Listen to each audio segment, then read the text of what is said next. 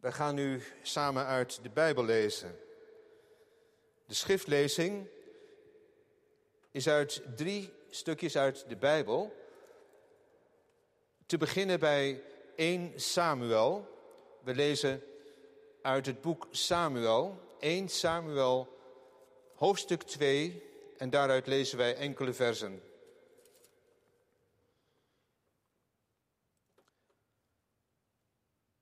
Toen bad Hanna en zei: Mijn hart springt op van vreugde in de Heere. En de vervolgen bij vers 6: De Heere doodt en maakt levend. Hij doet in het graf neerdalen en hij doet daaruit opkomen. De Heere maakt arm en maakt rijk. Hij vernedert, ook verhoogt hij. Hij verheft de geringen uit het stof. Uit het vuil verhoogt hij de armen en om hen bij edelen te doen zitten, om hen een erezetel te laten verkrijgen. En dan lezen we verder in dit gebed van deze vrouw, van Hanna. Zij die de Heere ter verantwoording roepen, zullen verpletterd worden. Hij zal in de hemel over hen donderen. De Heere zal recht spreken over de einden der aarde. Hij zal zijn koning kracht geven en de hoorn van zijn gezalfde opheffen. Lezen we verder Psalm 138. Psalm 138. Dat is het gedeelte waar we in deze dienst bijzonder met elkaar bij stil willen staan. Psalm 138, een psalm van David.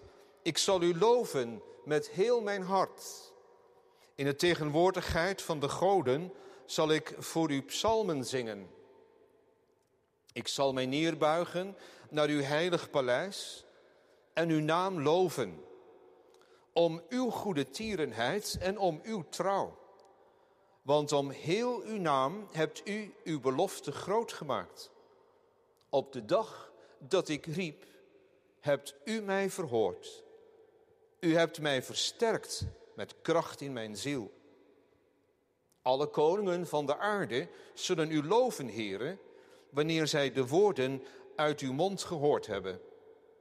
Zij zullen zingen van de wegen van de Heere, want de heerlijkheid van de Heere is groot. Want de Heere is verheven. Toch ziet hij naar de nederige. Maar de hoogmoedige kent hij van verre. Als ik midden in de benauwdheid verkeer, maakt u mij levend. U strekt uw hand uit tegen de toorn van mijn vijanden. Uw rechterhand verlost mij. De Heere zal zijn werk voor mij voltooien. Uw goede tierenheid, Heere, is voor eeuwig. Laat de werken van uw handen niet los. Het laatste gedeelte dat we lezen is uit het Evangelie naar Lucas. Voor deze morgen lezen wij ook uit het Nieuwe Testament, Lucas 11. En in Lucas 11 lezen wij de bekende woorden van de Heer Jezus als de discipelen vragen om gebedsonderwijs. En het gebeurde toen hij ergens aan het bidden was, dat een van zijn discipelen tegen hem zei, toen hij ophield, Heere, leer ons bidden.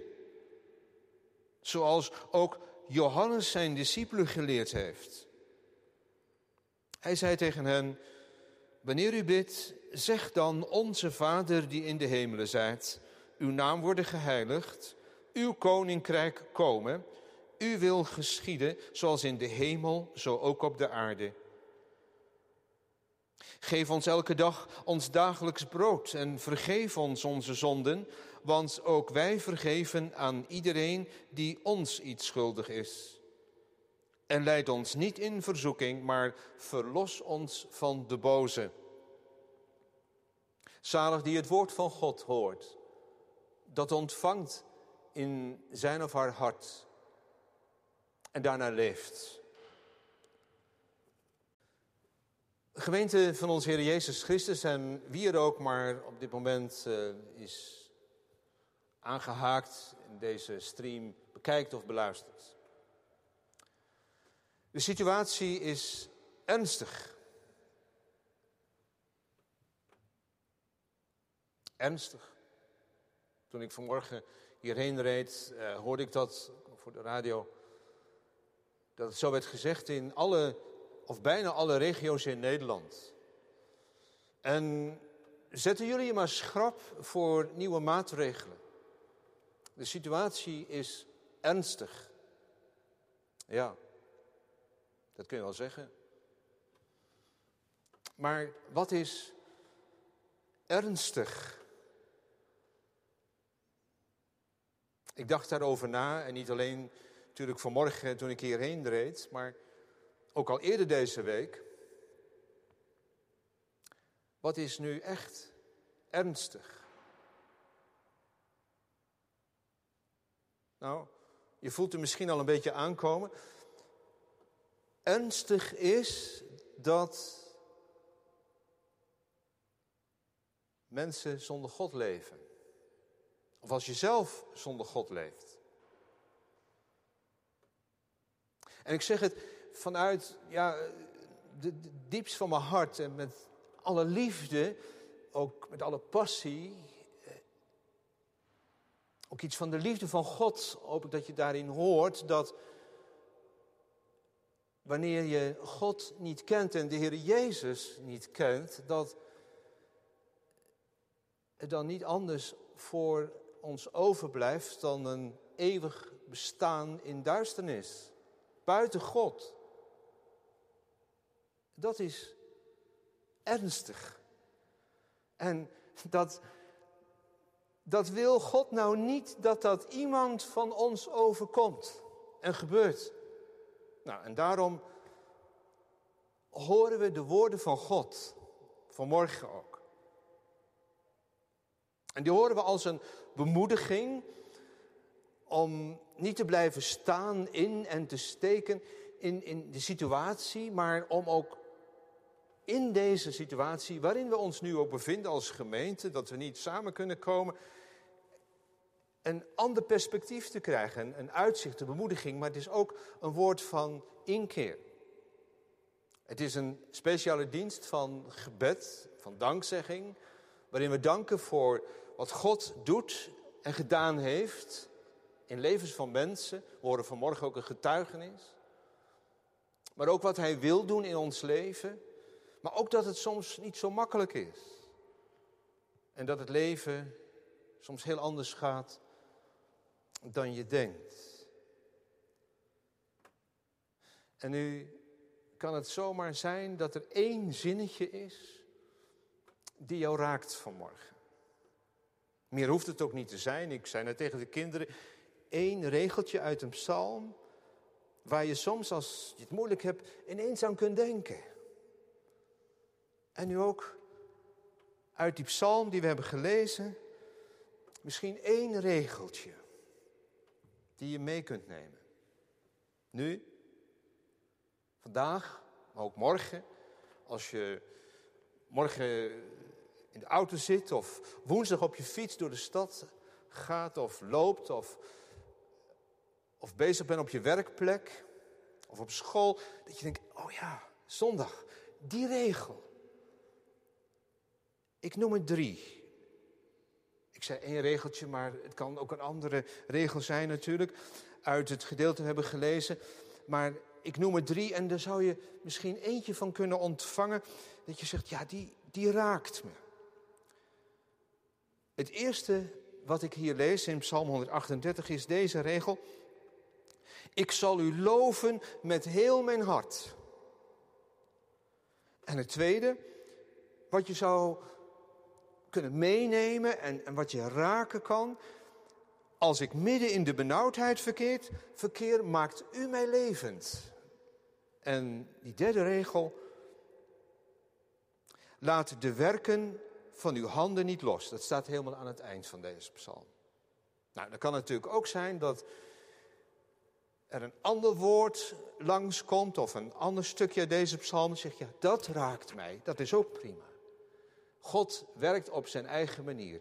Maar ik heb deze drie regels, deze drie teksten uitgekozen als een soort handvat om deze psalm ook met elkaar te kunnen onthouden, te kunnen overdenken. Deze psalm 138 en het eerste regeltje, die eerste zin gaat over toewijding aan God, dat we ons opnieuw gaan toewijden of voor het eerst gaan toewijden, helemaal ons hart aan Hem geven. Ik zal u loven met heel mijn hart. Het, het tweede is dat je een vast vertrouwen hebt, dat wij een vast geloof hebben dat wat er ook plaats heeft en wat er ook gebeurt, ook nu in deze moeilijke tijd, dat God bij ons is. En dat Hij ons niet verlaat. En het derde is dat we een vurig gebed hebben en houden tot God. Want ja, de ene dag kan het goed zijn, de andere dag zit je weer in de put. Laat niet vader werken van uw handen. Dus toewijding, vast vertrouwen en een vurig gebed. Psalm 138. Ja. Nu hebben we gezongen uit en ook gelezen uit 1 Samuel, die lofzang of een stukje eruit van Hanna. En dat is een van de ontdekkingen die ik deze week heb gedaan. Ja, misschien wist je dat al, maar voor mij was het even een ontdekking. Bladerend in, in het liedboek van de kerken kwam ik hem tegen. Gezang 9. En zo die verbinding met die geschiedenis van Hanna en Psalm 138. Eigenlijk is wat we hebben gelezen van Hanna, dat gebed, is een psalm 138 avant la lettre. Dat wil zeggen, voordat die psalm er was, heeft Hanna hem al gezongen. Hanna. Hanna, ja. Heb je Hanna gezien? Nee, waar, waar is ze dan? Nou, ik heb er net nog gezien toen ze aan tafel zat, maar ik zag ook dat ze gehuild had. En ik hoorde iets zeggen van, tegen haar man. En die man van haar, die, die probeerde haar te troosten. Eh, over, over kinderen krijgen. Ja, verder weet ik het ook niet precies. Maar ach, ze zou zo wel weer opkomen dagen. Nou, ik ga nu niet het hele verhaal van Hanna vertellen. Want je kunt het lezen in 1 Samuel. Of als je nu niet een Bijbel hebt, als je misschien helemaal niet zo kerkelijk bent en nu aangehaakt bent bij deze stream. En je kunt zo googlen, Hanna, Bijbel, en dan vind je dat verhaal. Dat verhaal van die vrouw, die nadat ze met elkaar als familie aan tafel hadden gezeten, van die tafel is weggegaan en ja, inderdaad uh, gehuild heeft, omdat ze geen kinderen kon krijgen. En dat was heel moeilijk voor haar en dat zat ook heel diep. Dat kun je verder in het verhaal nalezen. Maar na die maaltijd is zij, die maaltijd met die familie, naar een heiligdom gegaan. Naar Silo heet dat heiligdom. En daar is ze zo intens gaan bidden. Dat de priester die daar zat op een stoel en die zat daar zo'n beetje uh, te, observeren en te kijken. En die zag die vrouw, dat hij dacht, nou, dit, dat is wel heftig, is die vrouw wel goed? Heeft ze misschien niet te veel gedronken? Maar uh, dat blijkt dus niet het geval te zijn. Want Hanna bad tot God. En ja, dat verhaal dat gaat dan zo verder. Dat God haar gebed heeft verhoord. En dat ze zwanger is geworden en een kind heeft gekregen. Ze heeft haar zoon Samuel genoemd. God hoort, God hoort. En dan, dan volgt dat lied, dat gebed, die dankzegging, dat ze God prijst. Maar wat ik dan zo bijzonder vind, wat ik zo bijzonder vind in, in dat verhaal van Hanna, als ze gaat bidden en gaat danken, dat ze haar eigen situatie, haar eigen ja, dankbaarheid voor de geboorte van dat kind. En ook haar plek in Israël in een breder, in een wijder en groter perspectief ziet. Dat zeg ik misschien nu even een beetje moeilijk, maar ik bedoel daarmee dat zij verder kijkt dan haar eigen leven en dat zij dan in dat lied op een gegeven moment uitkomt bij God, die de koning is over de hele wereld. En dat hij ook zijn koning zal geven, die, en je kunt dan zeggen, de Messias zal zijn, de gezalfde, Jezus Christus. En in dat perspectief ziet ze haar leven. En dat vind ik heel bijzonder. En eigenlijk is dat ook de kern van Psalm 138. En dat is ook waar we voor samen zijn vanmorgen, of meeluisteren nu thuis. Dat je zegt, oh wat is dit toch een toestand en dat we dit niet kunnen en dat niet kunnen. Maar dat we ook deze hele situatie, onze eigen situatie, waar we ons nu in bevinden, wat ook moeilijk kan zijn, zien in dat brede perspectief dat God regeert. En dat het Hem niet uit de hand loopt. En dat er een koning is in deze wereld. En dat Jezus Christus dat is. En dat Hem is gegeven alle macht in de hemel en op de aarde. En dat ook dat coronavirus, of hoe je het ook noemt, COVID-19, niet het laatste woord zal hebben.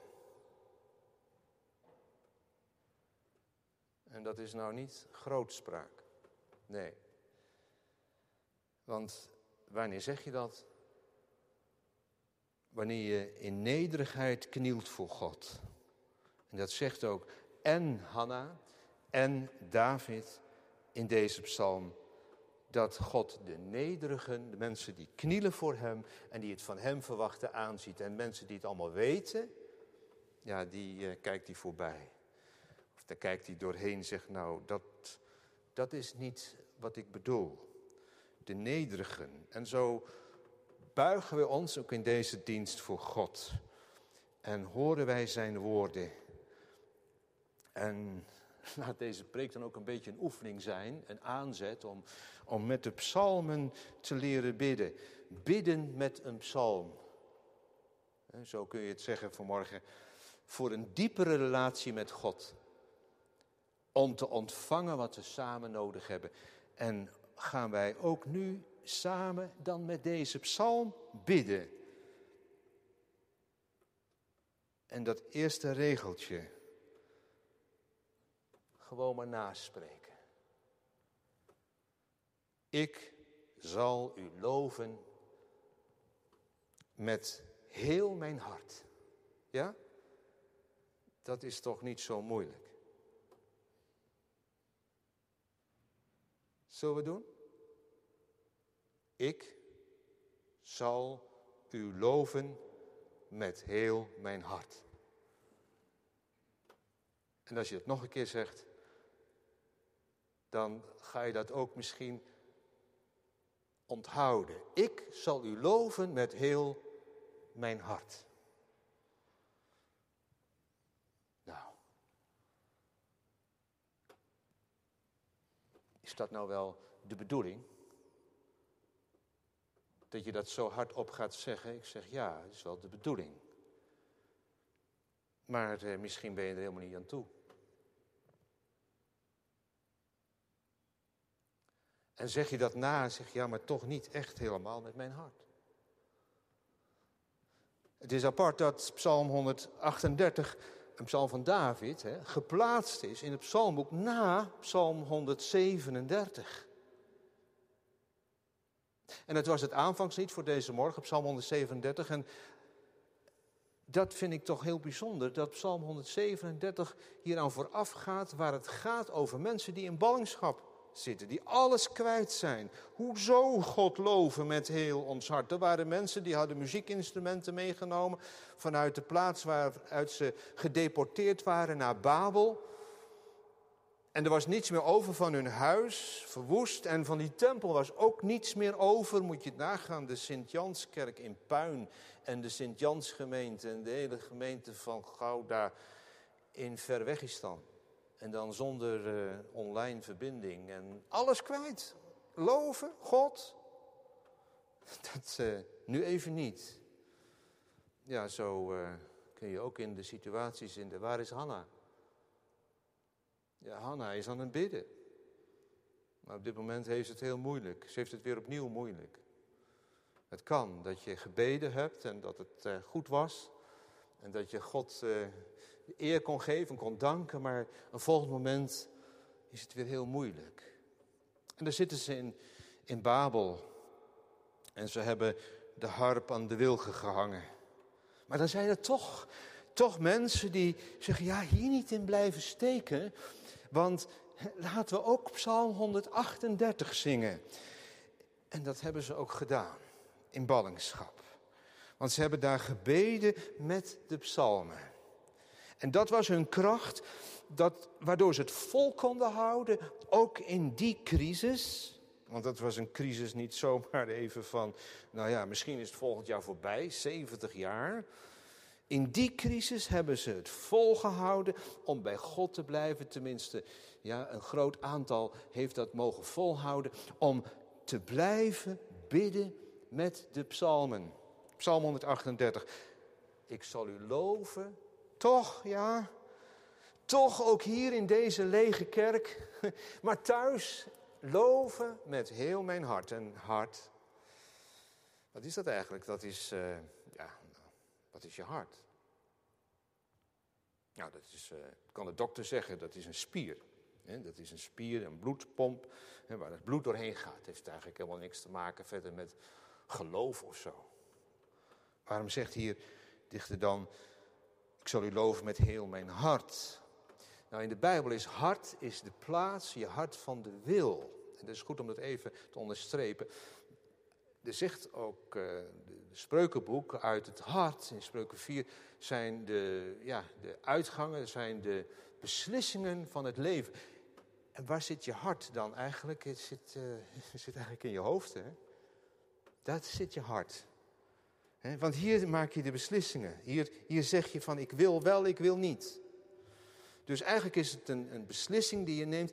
Toch, dwars door alles heen, zal ik u loven met mijn hart. Ik wil u loven. En dat je gevoel daar dan bij komt, ja, dat, het is, dat is dan heel mooi. Maar het is in eerste plaats wil. Wil ik geloven? Wil ik u loven, heren? En dan in de tegenwoordigheid van de goden staat er. In de tegenwoordigheid van de goden zal ik voor u psalm zingen. En daar wordt verschillend over gedacht en dat verschillende interpretaties. Maar ik kies voor deze interpretatie dat die goden zijn de machten die om ons heen zijn. Dat zijn die krachten die ook in onze samenleving nu opkomen en waar mensen soms hun boosheid en hun frustratie uiten. En waardoor je ook zomaar meegenomen kunt worden en dat je zegt, ja, het is toch ook eigenlijk uh, niet te doen. Het is gewoon niet te doen. En, die, die maatregelen, en ze zijn allemaal overtrokken en noem alles maar op. En het zijn machten die, ja, die ons van de kern van God af kunnen trekken. Machten die ook zomaar je geloof kunnen laten verkruimelen, verdampen. Maar dan zegt David, ja, die machten die zijn er en die goden, zeg maar. En, want soms lijkt het wel of we in een pandemonium leven, toch?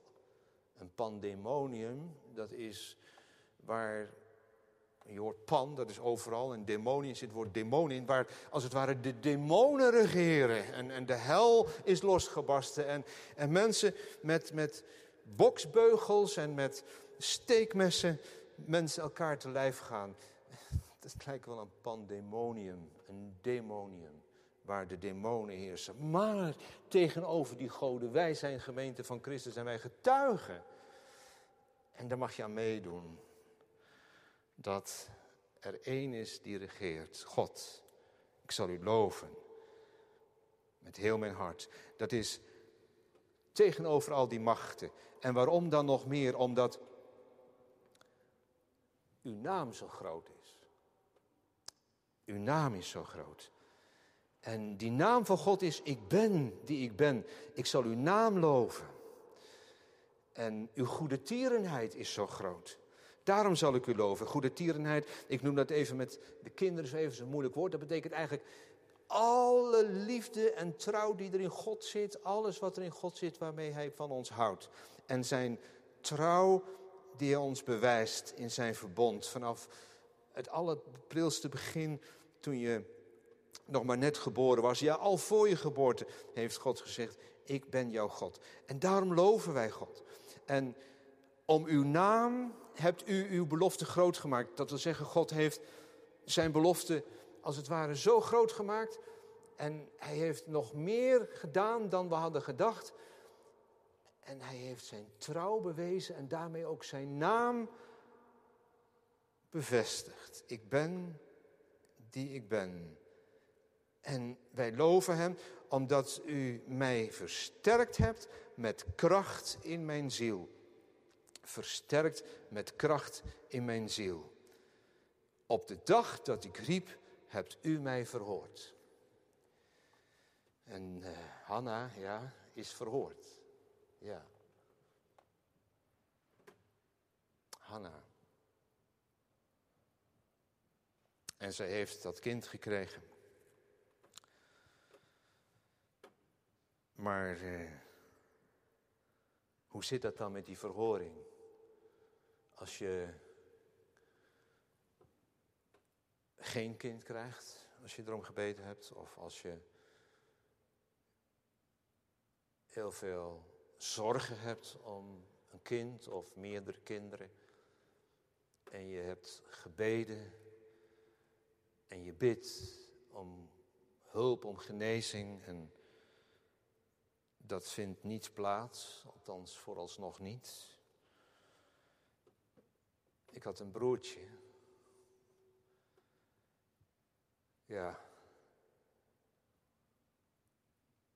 Mijn vader en moeder. Die hebben aan zijn bedje gezongen. Veilig in Jezus' armen. Veilig aan Jezus' hart. Het was een heel bijzonder broertje, want dat broertje heeft mij leren bidden.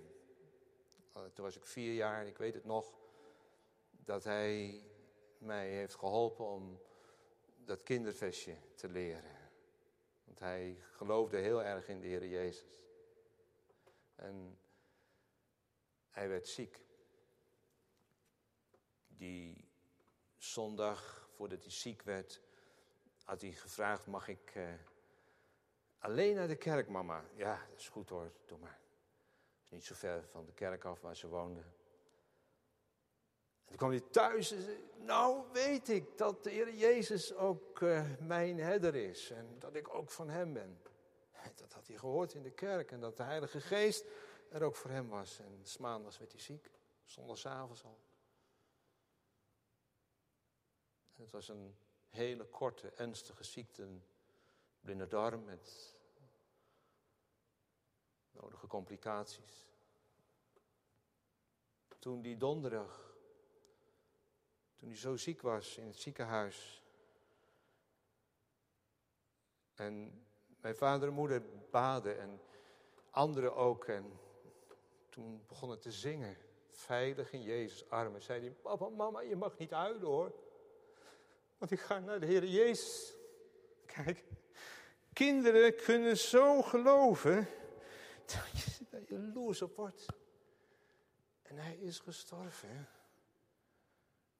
Ja. En hij is nu bij de Heer Jezus. Voor altijd.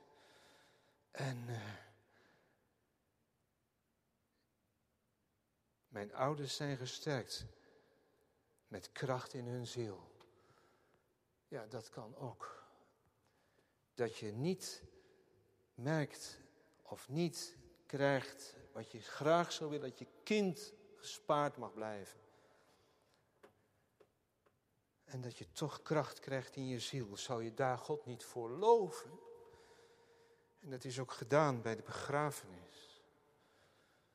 Ja. God heb ik lief, want die getrouwe Heer hoort mijn stem, mijn smeking en mijn klagen. Ik zal u loven met heel mijn hart. Waarom? Nou hierom. Ook hierom. Dat alle koningen van de aarde zullen u loven, heren. En dat is weer Hanna, hè? die zingt van die grote koning die komt.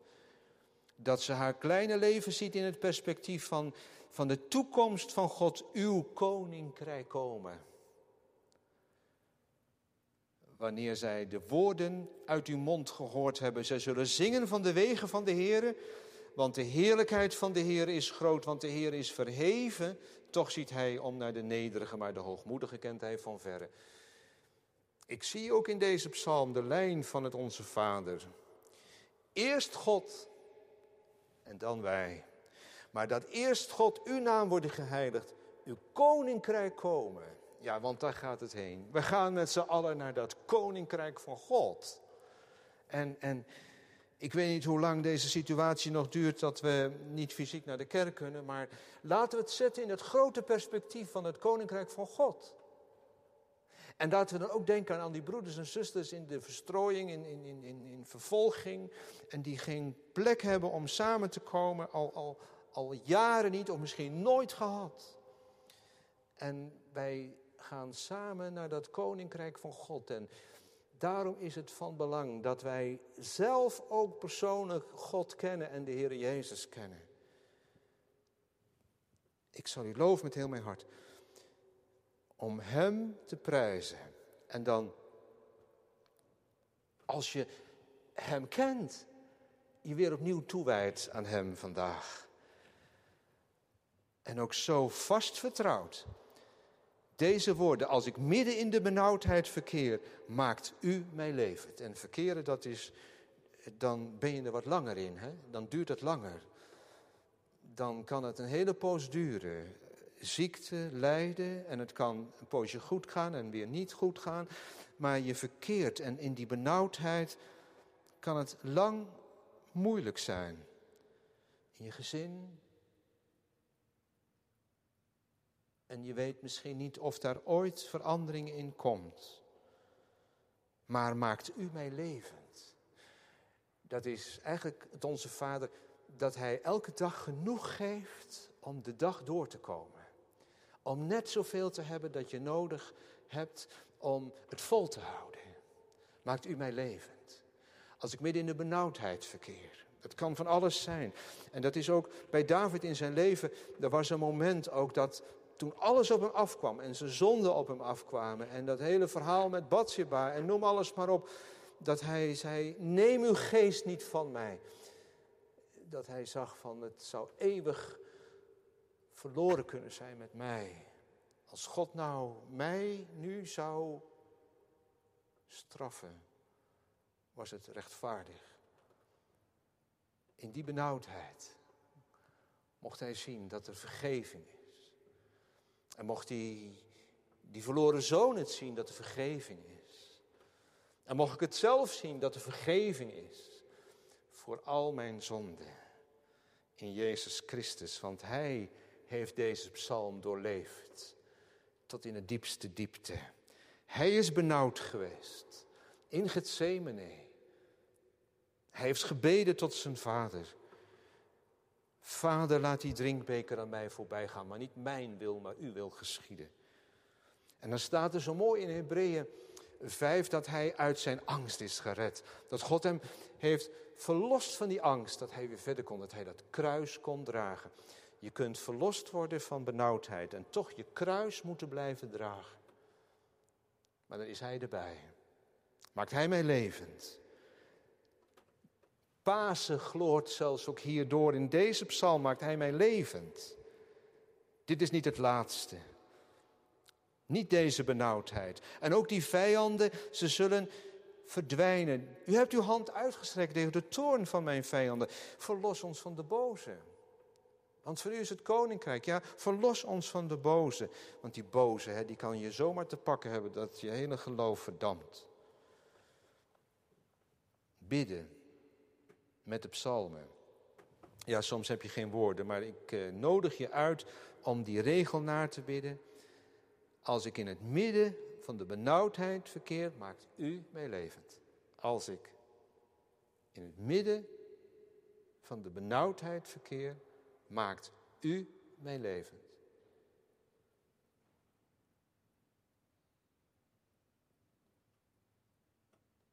Ja?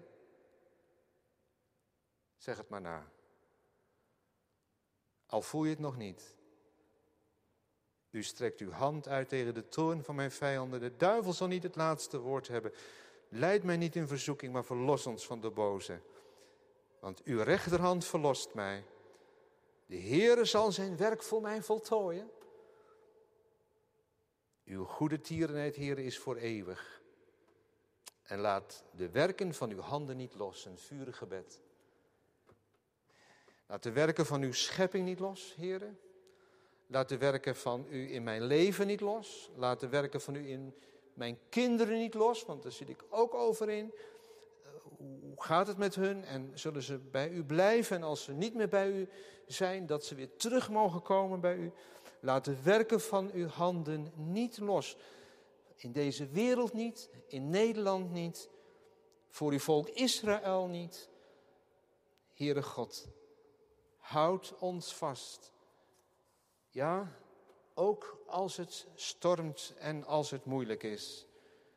Want u bent toch zo getrouw als sterk. U zult uw werk voor mij volenden. En verlaat dan niet wat uw hand begon. O levensbron, wil bijstand zenden, dan kan het zijn dat je in de regen loopt en toch kunt zingen. Zingen in de regen. Dat er wolken zijn, dat het donker is en dat je toch God kunt prijzen. Er is geen hart volkomen ongebroken, zegt een lied van Lef. Er is altijd wel een stukje weg.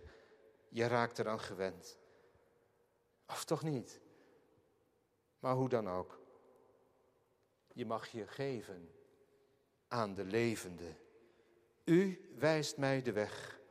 Als ik geen uitkomst zie, langs wegen die geen mens bedenkt, maakt u uw wil bekend. U geeft mij elke dag nieuwe liefde, nieuwe kracht. Al moet ik door de wildernis, dan leidt u mij en toont mij een rivier in de woestijn. Uw liefde blijft bestaan als alles zal vergaan. U maakt iets nieuws vandaag. Amen.